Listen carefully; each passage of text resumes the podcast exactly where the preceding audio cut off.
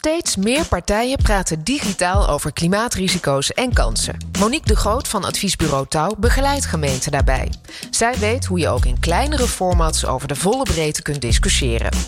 En Thomas Bakker van de Argumentenfabriek vertelt hoe je debatten structureert en argumenten netjes op een rijtje krijgt. Ik ben Annette van Soest. Dit is de podcast van het Delta-programma Ruimtelijke Adaptatie. De podcast voor iedereen die werkt aan klimaatadaptatie. Met praktische informatie en inspirerende voorbeelden. Dit is Ruimtelijke Adaptatie. Hoe dan?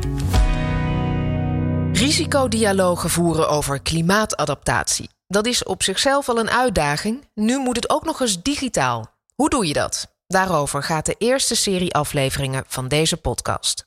Hoe haal je het meeste uit een digitale vergadering? Dat hoor je in deze tweede aflevering. Gemeenten hoeven niet zelf het wiel uit te vinden als het gaat om risicodialogen. Verschillende organisaties kunnen daarbij helpen. Bijvoorbeeld de Argumentenfabriek. Die helpt klanten gestructureerd na te denken over ingewikkelde vraagstukken. En dat gebeurt in zogeheten denksessies, die een strak format volgen en een helder overzicht van argumenten opleveren. Thomas Bakker begeleidt zulke sessies. Thomas, welkom. Wie zijn jullie klanten en waarom komen ze bij jullie terecht?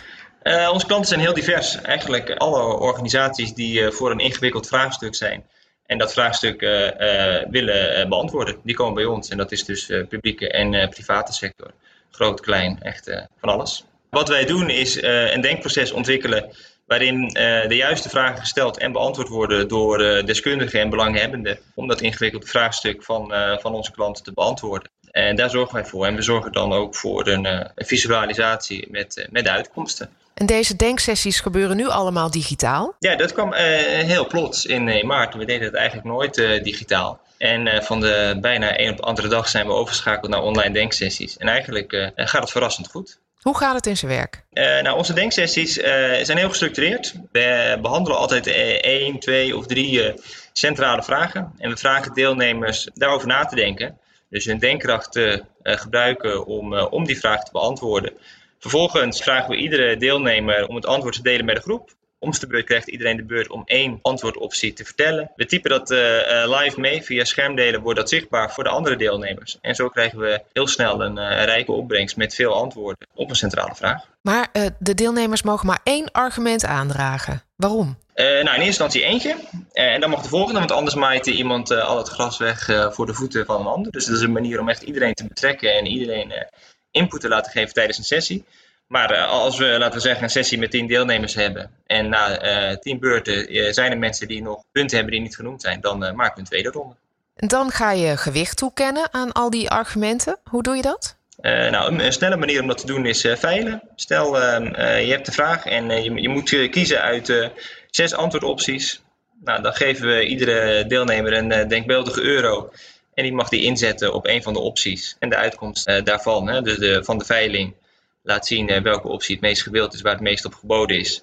En dan weet je wat uh, de deelnemers het belangrijkste vinden. Het, het, is heel gestructureerd hè, hoe, hoe je werkt. Kan je dan wel ook echt de diepte in in een gesprek? Zeker digitaal. Kan dat net zo goed als analoog? Uh, ja, onze ervaring is dat dat eigenlijk gewoon heel goed gaat. Toen wij overstapten op, uh, op denksessies vroegen we ons wel af of we die nog steeds drie uur moeten laten duren. Onze normale denksessies duren drie uur. En ons idee was ook wel, ja, gaat dat online werken? Hebben mensen zin om drie uur lang in een sessie te zitten? Dat is toch anders dan dat je samen in een ruimte zit. En zelf waren we in eerste instantie ook geneigd om sessies daarom online sessies korter te maken. Maar eigenlijk merken we dat het met onze aanpak heel goed lukt. Zeker als we wat variatie aanbrengen en wat extra dingen doen om de ja, spontane interactie wat um, vergroten, omdat die uh, online wat minder snel ontstaat. Dan blijven mensen er wel bij, drie uur lang. Ja, dan kunnen we gewoon drie uur lang nadenken over een ingewikkelde vraag. Ja. Zeker. Kan je zo'n voorbeeld geven van hoe je de mensen erbij houdt? Nou ja, een uh, manier is dus echt zorgen dat iedereen de beurt krijgt. Dus dat iedereen niet alleen wordt gevraagd te denken, maar ook opbrengsten te delen. Dat is een belangrijke. Ja, en we gebruiken ook dingen als uh, Mentimeter, wellicht bekend, om die interactie vorm te geven. En dat werkt allemaal heel goed. Ja. Jullie geven ook trainingen in deze methodiek, zodat klanten er zelf mee aan de slag kunnen. Kun je een tipje van de sluier oplichten? Je hebt al wat uh, handvatten gegeven, maar wat voor tips geven jullie klanten tijdens zulke trainingen? Uh, nee, een van de tips is concreter is beter. Dus zorg dat de antwoorden die mensen geven concreet en specifiek zijn, zodat je ook echt heel goed weet wat, uh, wat iemand bedoelt. Hoe krijg je dat voor elkaar? Ja, de, de, doorvragen. Niet te snel genoeg nemen met de antwoordoptie. Als je zelf denkt van ja, ik snap wel ongeveer wat het betekent en we zien later wel wat het precies inhoudt, dan, uh, dan is het te laat. Want op een gegeven moment is de sessie dan voorbij en als je het toch niet weet, ja, dan heb je de kans om door, door te vragen gemist. Dus altijd doorvragen. Ja, een andere tip is, denk ontzettend goed na over uh, de opbrengst die je wil hebben aan het eind van de sessie. Je kan, of het nou fysiek of online is, uh, heel goed heel lang geanimeerd met elkaar spreken over een onderwerp wat iedereen interessant vindt. Maar dat wil nog niet zeggen dat je aan het eind van, uh, van de sessie ook een opbrengst hebt waarmee je ja, uh, de volgende stap van je proces in kan gaan. Ja, en daarvoor is het gewoon heel erg belangrijk dat je van tevoren heel goed nadenkt over de vragen die je gaat stellen um, um, tijdens een, een denksessie. Hoe reageren mensen op, op jullie methode? Ja, eh, verrassend goed. In de, in de fysieke sessies uh, uh, gaat het al jaren heel goed en zijn we daar helemaal in thuis. En, en eigenlijk ook nu we dat online doen, zijn klanten heel tevreden. Juist omdat die, die structuur in online sessies misschien nog wel belangrijker is dan in normale bijeenkomsten. Als de structuur van een sessie niet goed is, haken mensen online toch sneller af. Je hebt minder, we zeggen, de vanzelfsprekende gezelligheid en aandacht. Dus de, de opzet en structuur van een sessie wordt nog belangrijker. En dat is nou ja, juist waar wij uh, ons in gespecialiseerd hebben. Dankjewel, Thomas Bakker. Graag gedaan. Zelfs online kun je dus gestructureerd discussiëren, waarbij alle argumenten of risico's boven tafel komen. Als je er vervolgens gewicht aan toekent, kun je afgewogen beslissingen nemen. Deze methode kan iedereen leren. Meer informatie vind je in de show notes. Dat is de tekst bij deze aflevering in je podcast-app. Zo effectief mogelijk digitaal discussiëren. Dat gebeurt onder meer al in Emmen.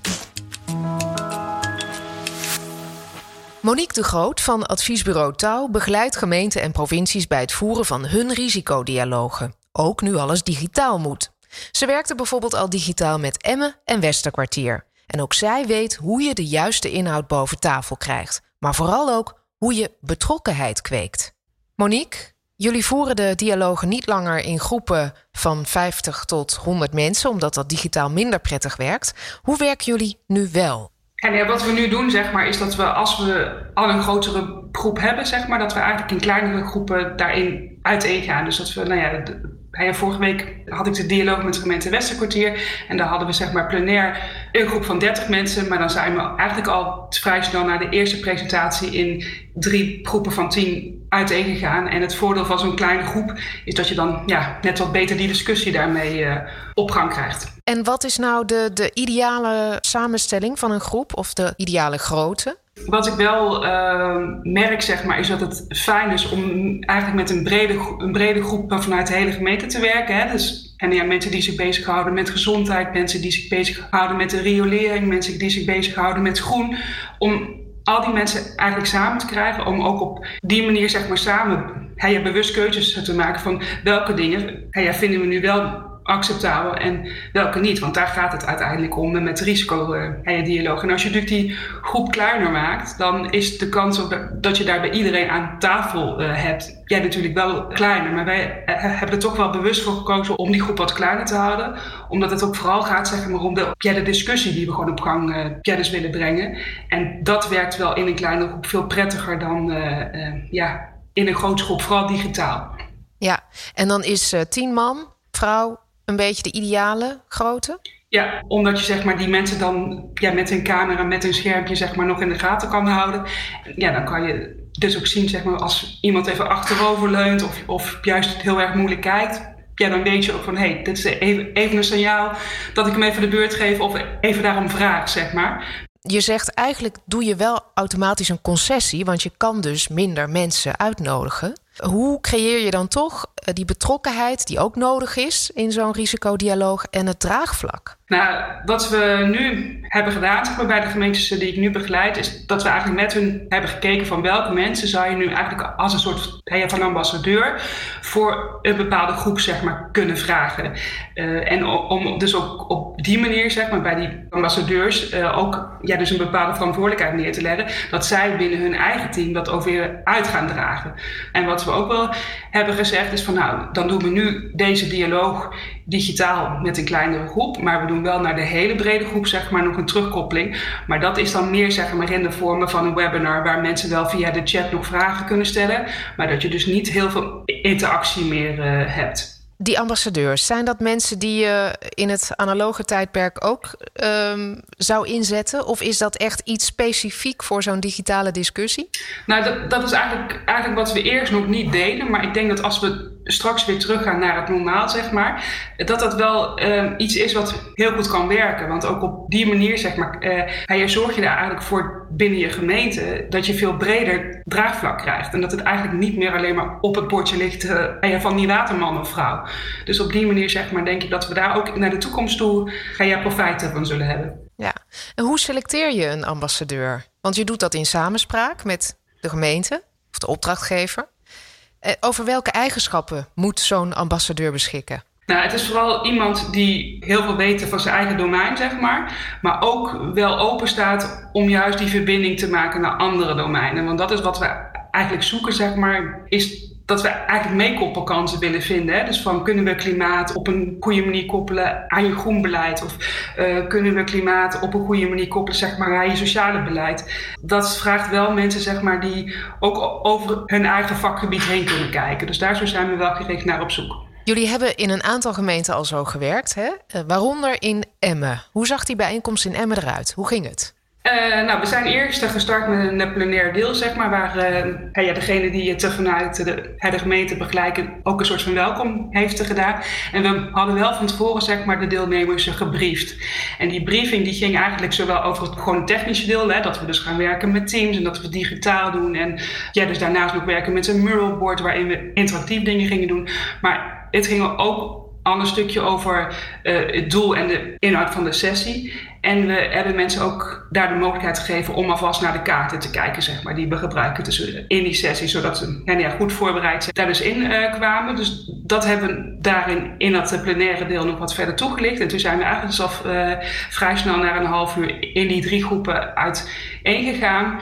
En die groepen die bestonden eigenlijk uit twee rondes. Dus in totaal zeg maar, zijn we denk ik 2,5 uur met z'n allen bezig geweest zeg maar, in die groep. En uh, hebben ja, daar dus tussendoor ook nog wat pauzes uh, gehad. Uh, maar dan merk je ook wel dat het, als het digitaal is, mensen toch wel eerder vermoeid zijn. Dus dat eigenlijk ja, die drie uur die we eigenlijk normaal hebben voor een dialoog, digitaal best wel lang is. Ja, dus je moet ook wel die pauzes geven om mensen af en toe weer zichzelf even op te laden en energiek te houden. Hoe reageerden ze verder? Vonden ze het uh, ook digitaal prettig werken? Als ik het vraag, zeg maar, aan het einde, dan is iedereen um, heel erg positief dat het dus op deze manier kan, zeg maar. Dat we dus toch op deze manier door kunnen gaan tijdens uh, de lockdown. Uh, maar dat iedereen, en ik zelf ook, toch wel de voorkeur heeft voor het echt gewoon bij elkaar komen. En waar zit hem dat dan in? Ja. Wat mis je? Ik uh, denk toch die interactie, zeg maar, die je toch uh, wel wat minder hebt. En je wordt ook sneller afgeleid, zeg maar, door de techniek. Als het dan even niet werkt, of het is even traag, of je camera valt weg, of je microfoon valt helemaal uit. Ja, dat zijn toch van die technische dingen die eigenlijk afleiden, zeg maar, van waar je het over wil hebben. En dat heb je ja, natuurlijk veel minder als je ja, gewoon, ja, gewoon net fysiek bij elkaar zit, dan kan je toch ook iets, iets makkelijker schakelen als je merkt dat iemand eigenlijk niet qua kennis zeg maar, niet in de juiste groep zit. En dat, dat is nu gewoon, ja, gewoon lastiger. Dus daarom dat ook mijn voorkeur toch wel echt uh, uitgaat naar het gewoon fysiek bij elkaar komen. Dankjewel, Monique de Groot. In sommige gevallen werkt het dus beter om niet met 100 man digitaal bijeen te komen, maar in kleinere groepen. Zorg dan wel dat je de juiste ambassadeurs om tafel hebt, die toegang hebben tot een brede achterban. Dit was de tweede aflevering van Ruimtelijke Adaptatie Hoe dan? De digitale dialogen. Meer weten over de risicodialoog? Kijk dan ook eens naar de routekaart Risicodialoog. Die vind je op ruimtelijkeadaptatie.nl, het kennisportaal van het Delta-programma Ruimtelijke Adaptatie. We zetten alle links ook in de show notes. Vergeet niet om je gratis op deze serie te abonneren met de subscribe of abonneerknop. Dan verschijnen nieuwe afleveringen automatisch in je podcast-app. Mijn naam is Annette van Soest. Bedankt voor het luisteren. Deze podcast werd gemaakt door het Delta-programma Ruimtelijke Adaptatie. In samenwerking met Helder en Duidelijk en NAP1 Podcasts.